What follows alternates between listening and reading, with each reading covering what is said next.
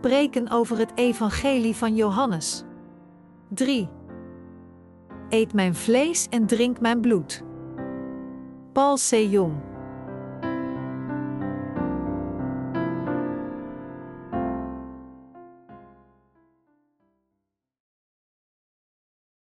Welk nut hebben deze kleine broden en vissen voor veel mensen? Johannes 6, 1 en 15. Daarna ging Jezus naar de overkant van het meer van Galilea, ook wel het meer van Tiberias genoemd. Een grote menigte mensen volgde hem, omdat ze gezien hadden welke wondertekenen hij bij zieken deed. Jezus ging de berg op en ging daar met zijn leerlingen zitten. Het was kort voor het Joodse Pesachfeest. Toen Jezus om zich heen keek en zag dat die menigte naar hem toe kwam, vroeg hij aan Filippus: Waar kunnen we brood kopen om deze mensen te eten te geven? Hij vroeg dat om Filippus op de proef te stellen, want zelf wist hij al wat hij zou gaan doen. Filippus antwoordde: Zelfs 200 denari zou niet voldoende zijn om iedereen een klein stukje brood te geven. Een van de leerlingen, Andreas, de broer van Simon Petrus, zei: Er is hier wel een jongen met vijf gerstebroden en twee vissen, maar wat hebben we daaraan voor zoveel mensen? Jezus zei: Laat iedereen gaan zitten. Er was daar veel gras, en ze gingen zitten, er waren ongeveer vijfduizend mannen. Jezus nam de broden, sprak het dankgebed uit en verdeelde het brood onder de mensen die er zaten. Hij gaf hun ook vis, zoveel als ze wilden. Toen iedereen volop gegeten had, zei hij tegen zijn leerlingen: Verzamel nu de overgebleven stukken brood, zodat er niets verloren gaat.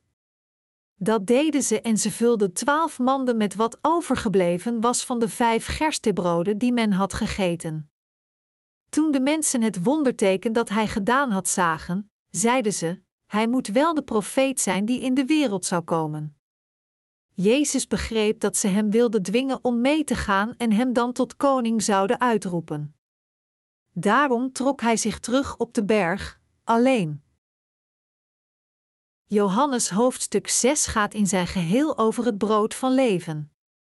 Er staat geschreven in de geschrifte passage van vandaag dat toen Jezus overstak naar de andere kant van het meer van Tiberias, een grote menigte hem volgde. De reden waarom zoveel mensen Jezus volgden was omdat zij de tekenen hadden gezien die hij uitvoerde bij diegenen die ziek waren.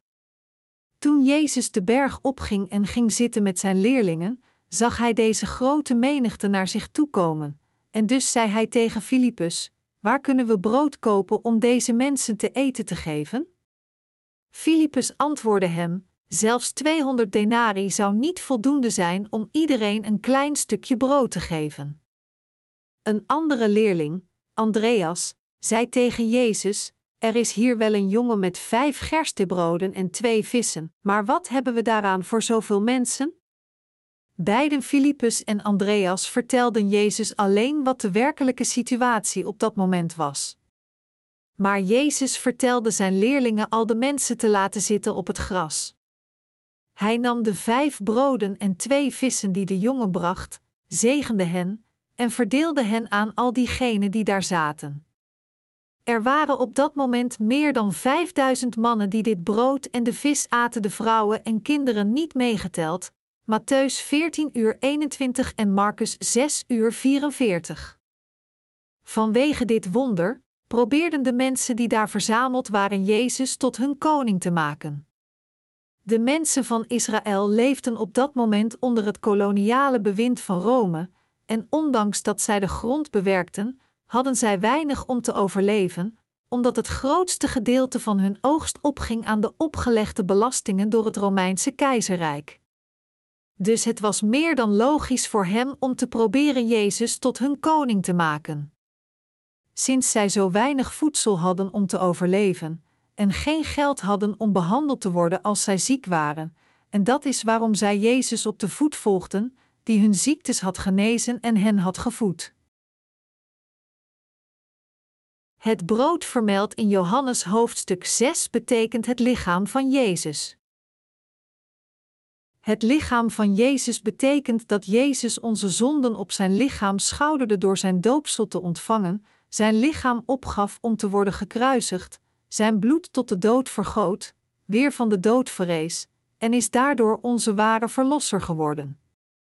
Door onze zonde in een keer op zijn lichaam te nemen, en door de veroordeling van deze zonde voor eens en altijd te dragen, heeft Jezus ons perfect van al onze zonden gered. Het lichaam van Jezus is het brood van leven. En het bloed van Jezus is de ware drank. Vanuit een bepaald gezichtspunt lijkt de Bijbel niets meer dan een historisch document over het volk van Israël, maar in realiteit is het het woord van God dat schrijft over het vlees en bloed van Jezus dat God ons gegeven heeft om het leven aan alle mensen te geven. Elk hoofdstuk van de Bijbel bevat het woord van leven dat God tegen ons wil vertellen. Dus als iemand de accurate kennis heeft over datgene wat het woord van God tegen hem zegt, kan hij gered worden van al zijn zonden. Andreas zei tegen Jezus: Er is hier wel een jongen met vijf gerstebroden en twee vissen, maar wat hebben we daaraan voor zoveel mensen? De twee vissen verwijzen hier naar Gods kerk. Net zoals deze vissen, maakt Gods kerk ook aan de buitenkant weinig indruk. Niettemin is het Gods kerk dat nu het evangelie van het water en de geest aan iedereen levend op deze aarde predikt. Dankzij het evangelie van het water en de geest dat we nu verspreiden, zijn veel mensen in dit tijdperk in staat het lichaam van Jezus te eten en zijn bloed te drinken omdat we dit onvervalste evangelie met de gehele populatie van de wereld delen, van de meer dan 6 miljard mensen levend op deze wereld, ontvangen diegenen die geloven in dit evangelie de vergeving van hun zonden. Nu is Gods kerk in aantal een kleine gemeenschap. Sommige mensen vragen zich af hoeveel er bereikt kan worden door een klein aantal predikers en heiligen en de weinige medewerkers verspreid over de wereld, maar omdat de Heer Gods kerk stevig vasthoudt en erdoor werkt, redt Hij iedereen in deze wereld van zijn zonden. Onze Heer heeft het brood van leven aan diegenen van ons gegeven die geloven in het evangelie van het water en de geest. Jezus zei dat het vlees van zijn lichaam het brood van leven voor ons is. Als we deelnemen aan de heilige communie, eten we brood en drinken wijn, en het brood symboliseert hier het lichaam van Jezus, terwijl de wijn het bloed van Jezus symboliseert dat hij vergoot aan het kruis. Jezus vertelde ons hem te herinneren met het brood en de wijn van de communie, Lucas 22 uur 19. Waarom? Omdat onze Heer al de zonde van deze wereld door de ontvangst van het doopsel op zijn lichaam nam en zijn bloed voor ons aan het kruis vergoot omdat onze Heer onze zonden op zijn lichaam nam door zijn doopsel, werden zij doorgegeven aan Jezus Christus, en dit is hoe onze zonden konden worden weggewassen. Toen Jezus ons vertelde zijn vlees te eten en zijn bloed te drinken, vertelde Hij ons te geloven in de waarheid dat Hij al onze zonden op zich nam door te worden gedoopt, zijn lichaam opgaf aan het kruis om zijn bloed te vergieten, weer van de dood verrees, en daarmee al onze zonden voor eens en altijd heeft uitgewist. Dus dit in aanmerking genomen, wat zou er gebeurd zijn als Jezus niet onze zonden had geschouderd door het doopsel op zijn lichaam te ontvangen? Dan hadden wij nooit onze zonden weg kunnen wassen. Dat is waarom we de vergeving van zonden door geloof moeten ontvangen, door het lichaam van Jezus te eten zijn bloed te drinken. Als we te druk bezig zijn met onze eigen zaken, zijn we geneigd te vergeten hoe dankbaar we moeten zijn dat de Heer ons van onze zonden heeft gered. Met andere woorden, hoewel we inderdaad dankbaar moeten zijn dat de Heer ons heeft gered door zijn vlees en bloed, als onze zielen verduisterd zijn, kunnen we zijn genade niet voelen. En dient te gevolgen, verliezen we onze dankbaarheid voor God en zijn genade, net als de kerk van Efeze berispt werd voor het verliezen van zijn eerste liefde, ondanks het feit dat we onvermoeibaar voor God hadden gewerkt. Openbaring 2, 1, 4. Echter, als we onszelf voor een tijdje bevrijden van de zaken die ons in de ban houden, even alles aan de kant zetten en nadenken over God, kunnen we zien hoe dankbaar we moeten zijn voor Gods genade. Als ik nadenk over hoe de Heer naar deze aarde kwam, hoe Hij gedoopt werd om mijn zonden voor eens en altijd overnam, hoe Hij deze zonden naar het kruis droeg en voor hen werd veroordeeld, hoe Hij stierf en weer van de dood verrees, en hoe Hij mij daarmee tot een zondeloos mens heeft gemaakt, word ik overweldigd met dankbaarheid. Wanneer ik in mijn werk duik, ben ik te druk bezig om te zien wat er voor me staat en heb ik weinig tijd om dankbaar te zijn. Maar, als ik weer voor God sta, ben ik zo dankbaar dat Hij iemand zoals mij heeft gered. Geestelijke gedachten en vleeselijke gedachten zijn vaak verward in ons verstand, ons in verwarring brengend. Echter, als we nadenken over dat wat God voor ons heeft gedaan, worden onze harten vervuld met dankbaarheid.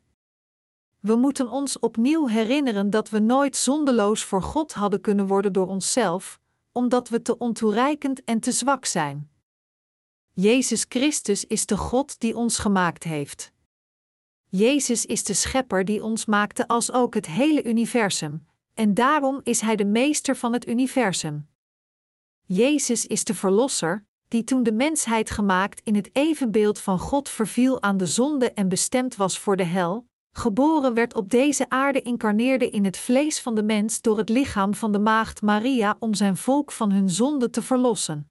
Hij nam de zonden van de wereld op zijn lichaam door het doopsel te ontvangen, werd voor hen veroordeeld aan het kruis en stierf, verrees weer van de dood en heeft ons daarmee compleet van al onze zonden gered. Ik kan God niet genoeg danken als ik nadenk over het evangelie van het water en de geest. Als mensen voor hun dood en vernietiging staan, dan worden zij zeer eerlijk.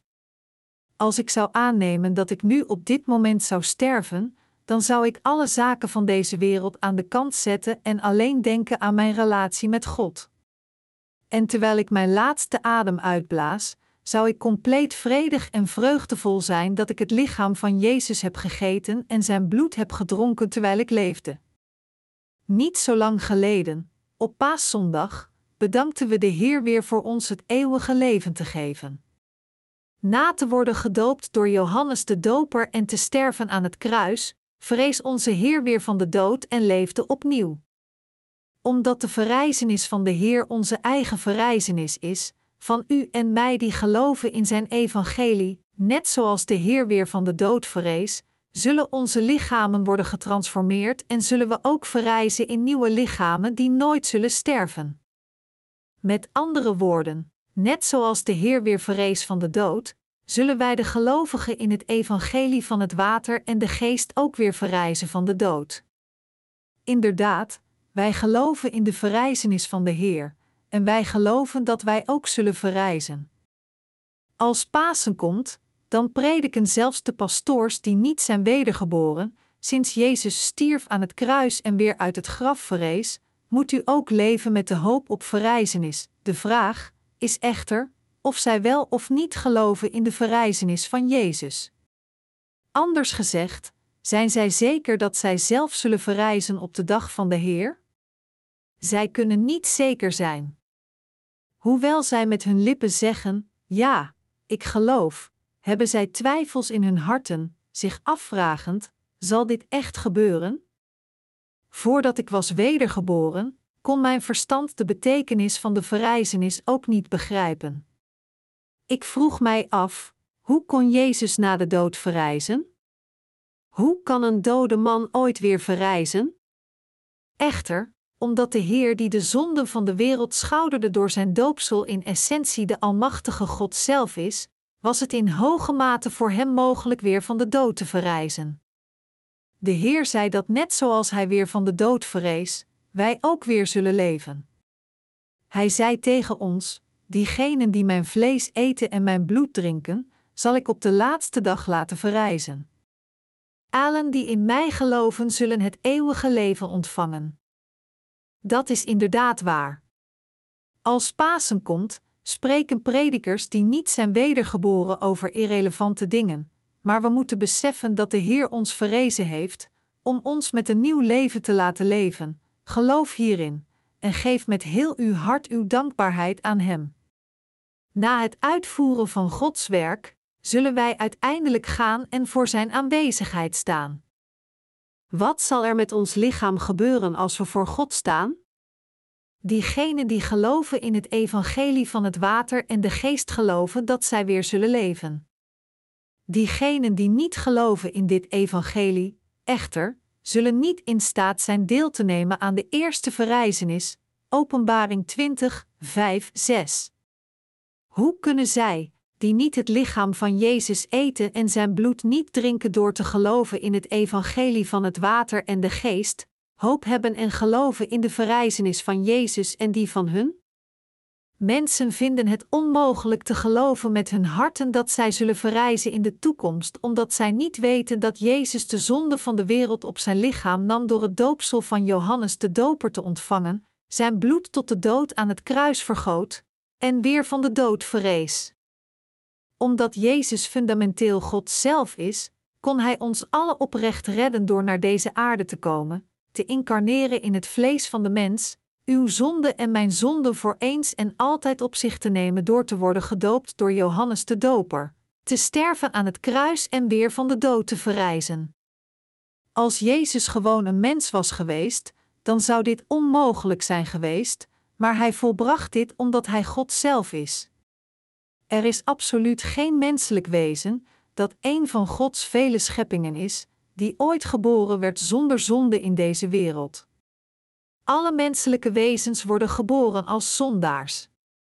Echter, omdat Jezus de Zoon van God de Vader is, omdat Hij zelf de ene is die het hele universum met zijn woord creëerde en omdat het de wil van God de Vader is om ons van de zonde te redden, kwam Christus naar deze aarde in gehoorzaamheid van de wil van de Vader en heeft ons inderdaad gered door het evangelie van het water en de geest. Onze Heer heeft ons die geloven in deze waarheid beide de geestelijke en lichamelijke dood verrezen. Dat is omdat Jezus u en mijn Verlosser is dat Hij dat inderdaad voor ons heeft gedaan. Dat is waarom we in onze harten geloof hebben in God en een diepe dankbaarheid. We moeten beseffen en geloven dat Jezus God is, 1 Johannes 5 uur 20. Als Jezus gewoon een schepsel was, dan zou niemand in staat zijn om te worden gered. Laat ons hier aannemen dat een deugdzaam en zeer gerespecteerd persoon in deze wereld u en mijn zonden schouderde en voor ons stierf. Kunnen u en ik dan echt gered worden? Nee, we zouden niet gered worden. Dat is omdat er niemand is die geen zonde pleegt, en daarom zelfs als deze persoon onze zonde zou schouderen en in onze plaats zou sterven, kan hij geen andere zondaars redden, want hij zelf is een zondaar. Dat is omdat alleen de Almachtige God ons van onze zonden kan redden, dat Hij zelf naar deze aarde kwam om ons te bevrijden. Dat is waarom onze Heer, die God zelf is, de zonden van de wereld op zijn lichaam nam door te worden gedoopt, daarmee onze zonden wegnemend. Het is ook omdat Jezus God zelf is dat de Heer in staat was veroordeeld te worden voor onze zonden en namens ons aan het kruis te sterven, en het is door zijn macht dat hij weer van de dood kon verrijzen. Dit is hoe Jezus echt u en mij van onze zonden heeft gered. En dat is waarom we onze dank aan God geven door in deze Jezus te geloven. Er zijn ontelbare mensen in deze wereld die een religieus leven leiden volgens hun eigen gedachten. Hun religieuze levens zijn voor de hand liggend. Gebaseerd op de geschrifte passage van vandaag, prediken zij als volgt: Hoe was het mogelijk dat het brood en de vis zo miraculeus vermenigvuldigden? Hier offerde een kind zijn lunch met Jezus zonder enige aarzeling. De volwassenen waren hierdoor zo geraakt dat zij hun lunch die zij verstopt hadden ook offerden. En toen al dit voedsel samengebracht werd en eerlijk verdeeld werd, was er genoeg voedsel voor iedereen en bleven er zelfs twaalf manden van voedsel over. Dus laat ons ook een kleine som geld offeren en de armen helpen. Alle kleine beetjes helpen. En dus moeten we alle donaties samenleggen om de armen te helpen. Maar dit verandert het woord van God feitelijk in een levenloos ethisch systeem van menselijke normen. De lunch die het kind op dat moment bracht bestond alleen uit vijf broden en twee vissen. Hij kreeg zijn lunch waarschijnlijk van zijn ouders, die hem iets meegaven om te eten toen hij op weg ging om Jezus te ontmoeten. Maar dit kind offerde zijn lunch aan de Heer. De Heer zegende dit en voerde het wonder van de vijf broden en twee vissen uit. Een dergelijk mirakel ontstaat niet zomaar, ongeacht hoeveel menselijke wezens zoals ons deze lunch ook zouden zegenen. Iedereen die bij zijn verstand is weet dat dit onmogelijk is. In plaats van het gewoon te accepteren als een feit omdat het in de Bijbel staat, verbeeldt u zich dat u dit zelf zou doen en denk er dan nog eens over na. Als u zou bidden voor deze lunch en zegt: Mogen God dit zegenen, zou deze lunch zich dan opeens vermenigvuldigen om iedereen die daar aanwezig is te voeden, en zouden er dan twaalf manden van voedsel overblijven? Nee, natuurlijk niet. Geen enkel wonder kan vanuit onze eigen macht ontstaan. Alleen Jezus dan dit volbrengen. Op dit moment verspreiden wij het evangelie van waarheid over de hele wereld. Er zijn veel mensen in deze wereld die gewoon hun eigen evangelie prediken. Maar diegenen die het evangelie van het water en de geest prediken zijn weinig en wijd verspreid. Er is geen ander evangelie van waarheid dan dit evangelie van het water en de geest. Het is dit evangelie van het water en de geest waar we in geloven en prediken, en dit evangelie dat u en ik verspreiden is het woord van God dat absoluut in staat is iedereen over de hele wereld te redden. Het evangelie van het water en de geest is het gezegende evangelie en het brood van leven dat de mensheid in staat stelt gereinigd te worden van al de zonde en nieuw leven te laten ontvangen. Sommigen van ons hebben pas recentelijk van het evangelie van het water en de geest gehoord, terwijl het voor anderen al een tijd geleden is sinds zij werden wedergeboren door te geloven in dit evangelie. Maar iedereen weet gelijkwaardig dat dit evangelie van het water en de geest het enige evangelie van waarheid is. Het evangelie van het water en de geest is de waarheid dat de Heer al onze zonden heeft weggewassen met zijn doopsel en zijn bloed aan het kruis. Door naar deze aarde te komen, de zonden van de wereld over te nemen door zijn doopsel, zijn bloed te vergieten en te sterven aan het kruis, en weer van de dood te verrijzen, is onze Heer onze Verlosser geworden. De vijf broden in de geschrifte passage van vandaag symboliseren de zaligmaking van genade dat de Heer aan ons geschonken heeft, en dit geeft het evangelie van het water en de geest aan. In de Bijbel betekent nummer 5 Gods genade en zegeningen. Mijn medegelovigen, in het evangelie van het water en de geest waar wij in geloven, bevinden zich de zegeningen van zaligmaking, de zegeningen van eeuwig leven en de zegening van nieuw leven. Het is een oprecht wonderbaarlijk evangelie. Het is dit evangelie waar zij in geloven, en het is dit evangelie dat wij prediken over de hele wereld door onze boeken.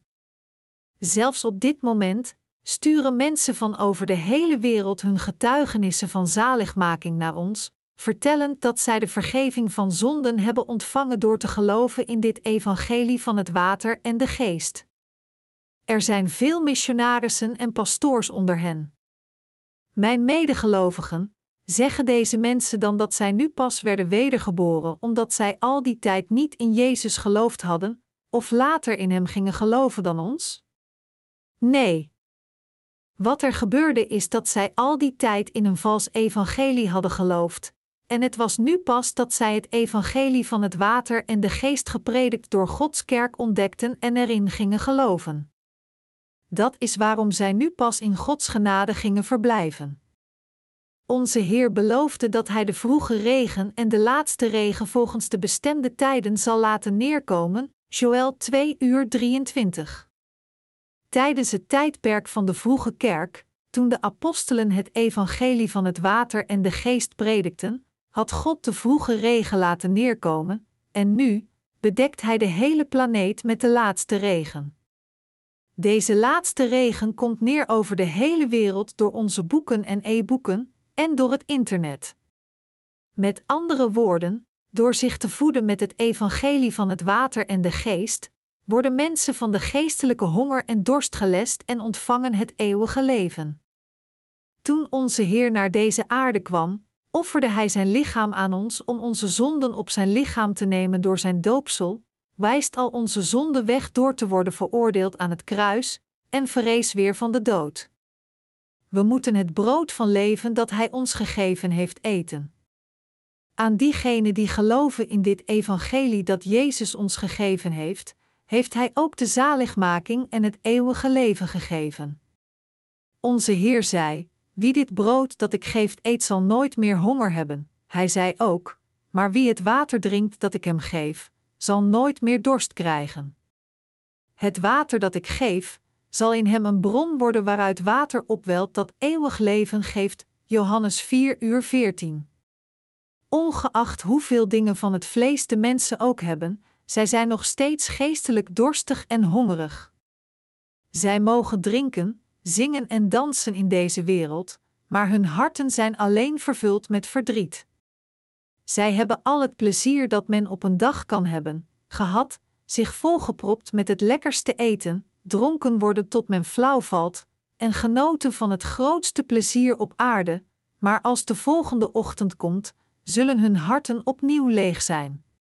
De realiteit van het menselijk bestaan is dat zijn hart, passies, gedachten en lichaam dorsten naar iets eindeloos.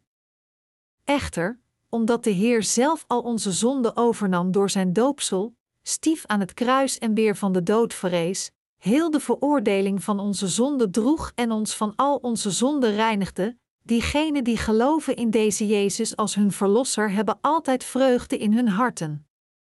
Zij zijn altijd moedig, en zij danken God altijd voor hun zaligmaking. Mijn medegelovigen, onze Heer beval ons het evangelie van het water en de geest te prediken. Over de hele wereld zijn er niet veel predikers of heiligen die dit evangelie prediken. Hun aantal is net zo klein als de lunch van het kind in de geschrifte passage. Maar deze lunch was meer dan genoeg om al die mensen te voeden en nog over te houden. Niets anders dan dit is Gods macht en zegening. Op dit moment verspreiden u en ik het evangelie van het water en de geest aan iedereen over de hele wereld. Dat is omdat Gods kerk gelooft in dit evangelie en het predikt over de hele wereld dat Gods zegeningen eraan worden toegevoegd. Ongeacht hoe ver weg iemand ook van ons is, als hij gelooft in dit evangelie van het water en de geest met zijn hart, dan kan hij gereinigd worden van al zijn zonden en een oprecht zondeloos kind van God worden. En hij zal al de geestelijke zegeningen van de hemel ontvangen, niet alleen het probleem van zijn ziel oplossend, maar ook het probleem van zijn vlees. Wij geloven dat God ons zal zegenen als ons geloof groeit. Een dergelijk wonderbaarlijk werk beschreven in de geschriften passagen van vandaag ontvouwt zich op dit moment. Daarom, een prediker die het evangelie van het water en de geest predikt, is een zeer competente prediker voor God. De heiligen die samenkomen in Gods kerk die het evangelie van het water en de geest predikt zijn oprechte heiligen. En deze kerk die het evangelie van het water en de geest verkondigt is Gods ware kerk. Hoewel er veel zelfgenoemde kerken van God in deze wereld zijn, is het de vraag of zij wel of niet het evangelie van het water en de geest prediken. Diegenen die opscheppen over de grootte van hun kerkgebouwen, het aantal van hun congregatie of over de beroemdheid van hun pastoors houden vast aan iets nutteloos. Ongeacht hoe beroemd en vermaard hun pastoors ook zijn, het enige wat deze pastoors doen is meer betaald te krijgen en hun eigen namen toejuichen. Dat is het enige doel van pastoor.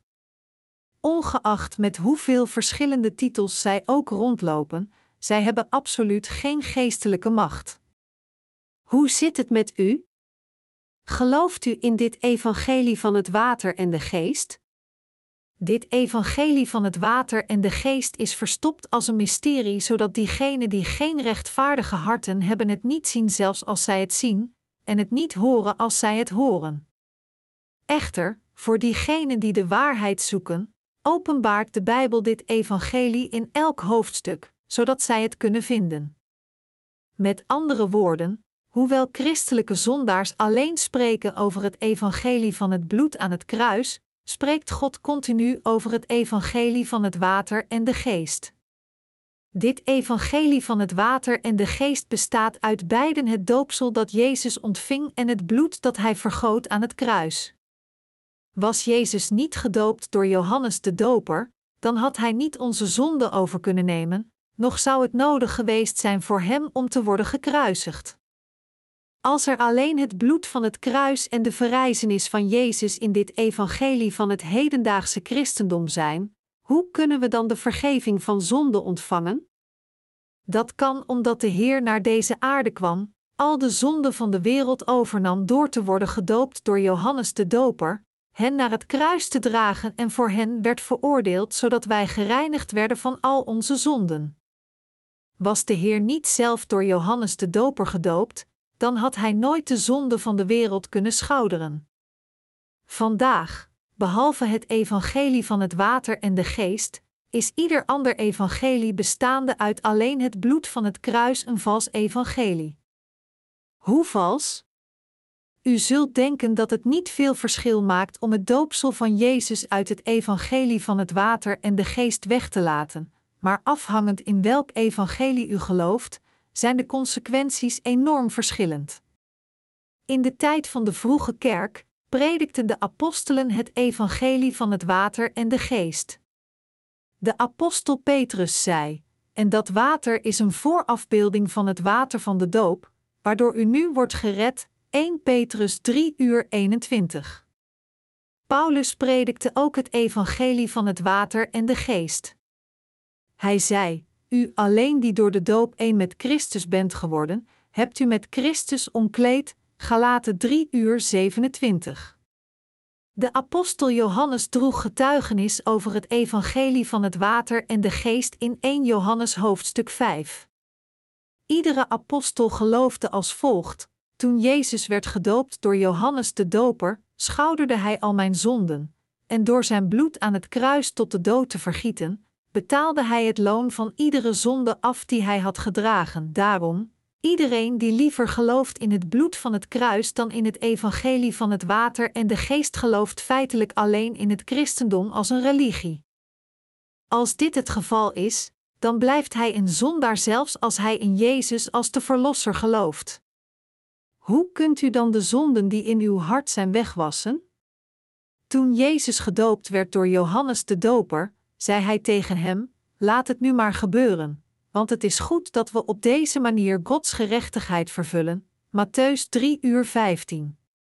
De gerechtigheid is hier het resultaat dat de Heer bereikte door te worden gedoopt, en dus al de zonden van deze wereld overnam en hen voor eens en altijd uitwiste.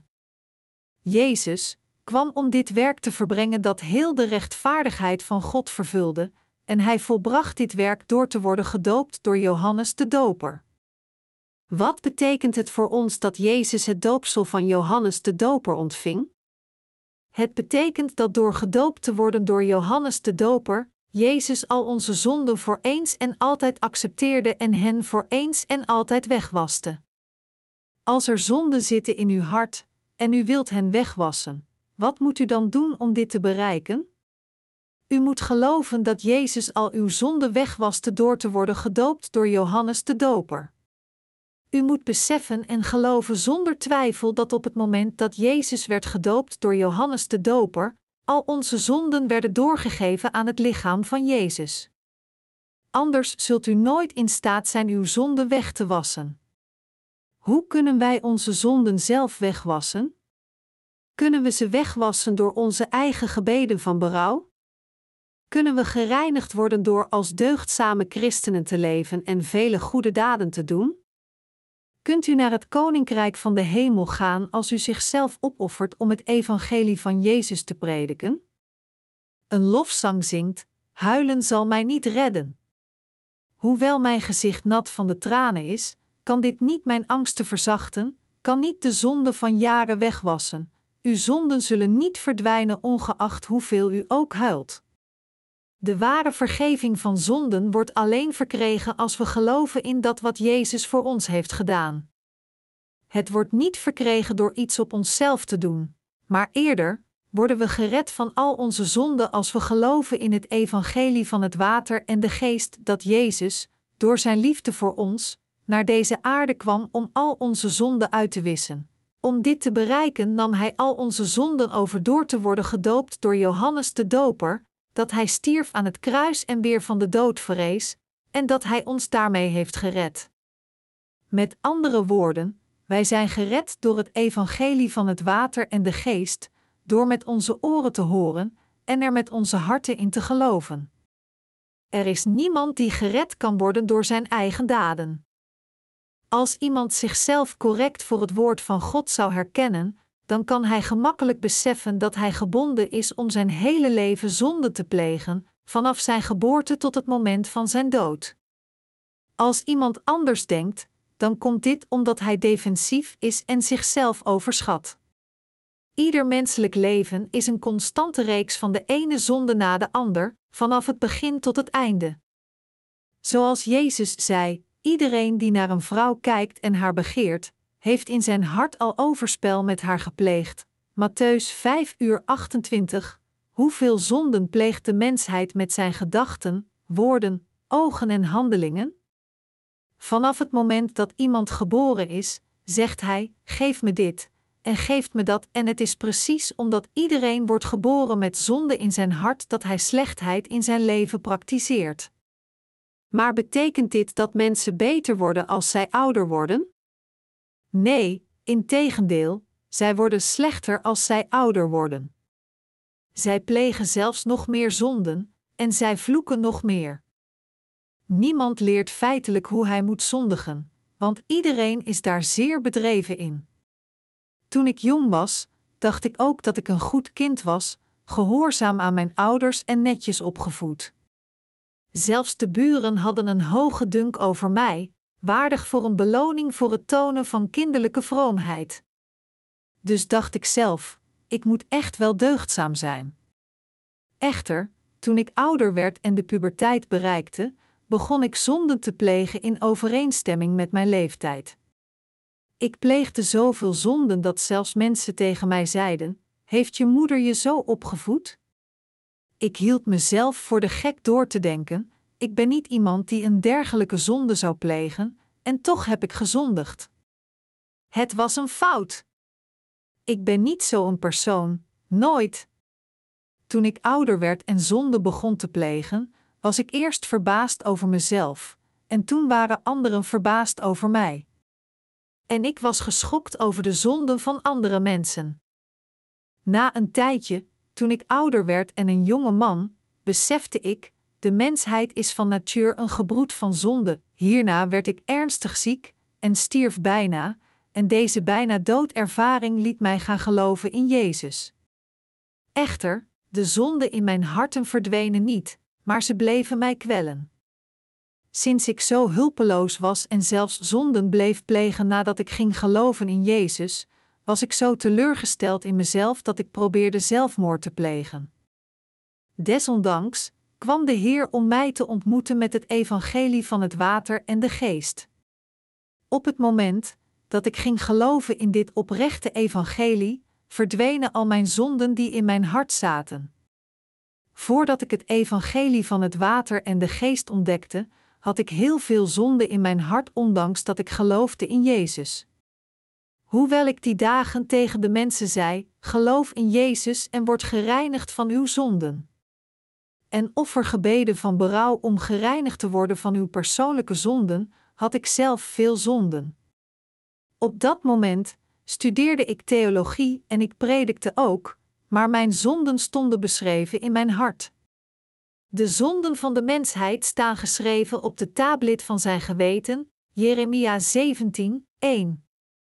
Dat is hoe iemand zich de zonden die hij pleegde voor God realiseert. Denkt u dat u deugdzaam kunt leven als u het hart probeert en zeer voorzichtig bent? Dat is zeer moeilijk. In feite is het onmogelijk. Hoewel u zich goed kunt voordoen, is het onmogelijk om voor iemand een perfect deugdzaam leven voor God te leven. Iedereen pleegt zonden tot de dag van zijn dood.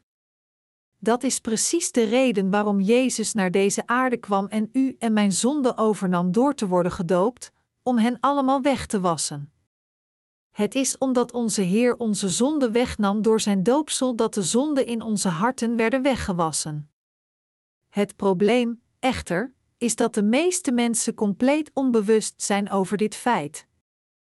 Voor ons om te geloven in Jezus als de Verlosser is te geloven dat Jezus ons gered heeft door naar deze aarde te komen, al onze zonde overnam door te worden gedoopt, gekruisigd werd tot de dood en weer van de dood verrees. Dat is waarom de Bijbel zegt dat men het koninkrijk van God kan zien en binnengaan als hij of zij wedergeboren is uit water en geest. Johannes 3, 3, 5. God kon u en mij alleen redden als Hij naar deze wereld zou komen, incarneerde in het vlees van een mens, al onze zonden op zich nam door te worden gedoopt door Johannes de Doper, hen weg zou wassen door voor hen veroordeeld te worden en weer van de dood te verrijzen. Dat is waarom onze Heer ons op deze manier heeft gered. Het is door dit feit te beseffen en erin te geloven dat u en ik gered zijn. Ondanks dat ik zo een zondig persoon ben, en hoewel ik niet anders kan dan heel mijn leven zonde te plegen, om een dergelijke persoon zoals ik van de zonde te redden, kwam de Heer naar deze aarde, werd gedoopt, stierf aan het kruis, vrees weer van de dood en heeft mij inderdaad daarmee gered. Hij is mijn verlosser.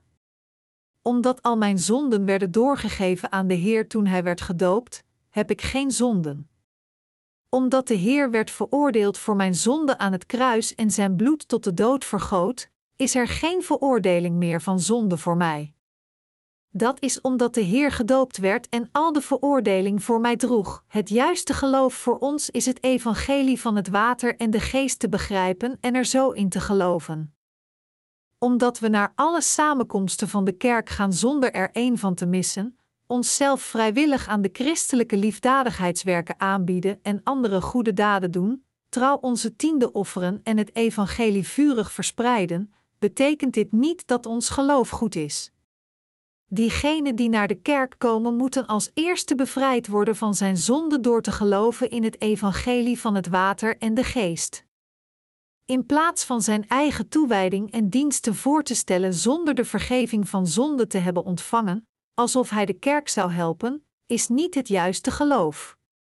Als iemand zonden heeft in zijn hart, zal hij in de hel worden gegooid.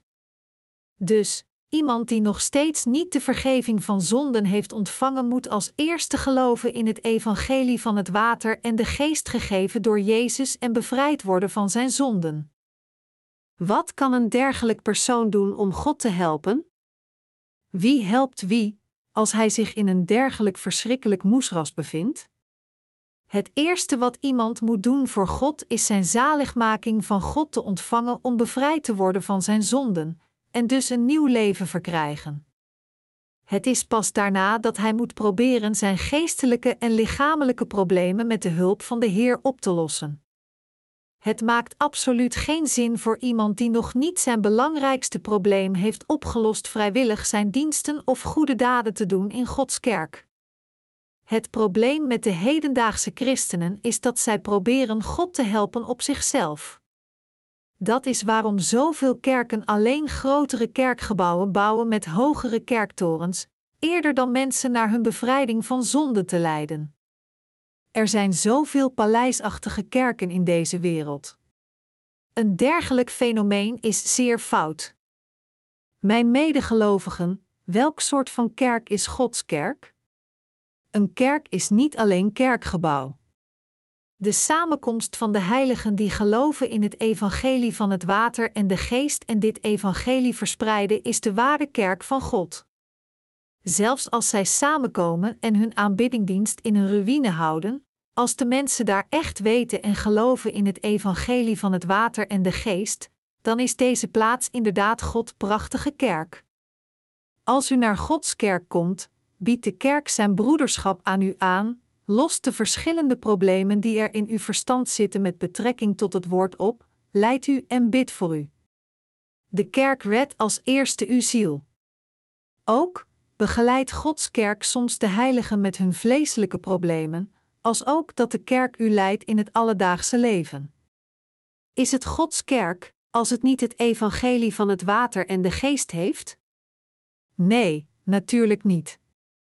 Gods kerk stelt u in staat het lichaam van Jezus te eten en zijn bloed te drinken door het evangelie van het water en de geest, en de kerk leidt u daarbij naar de gezegende weg die u van al uw zonden reinigt. Mogen Gods fantastische zegeningen met ieder van u zijn die het lichaam van Jezus en zijn bloed heeft gegeten en gedronken.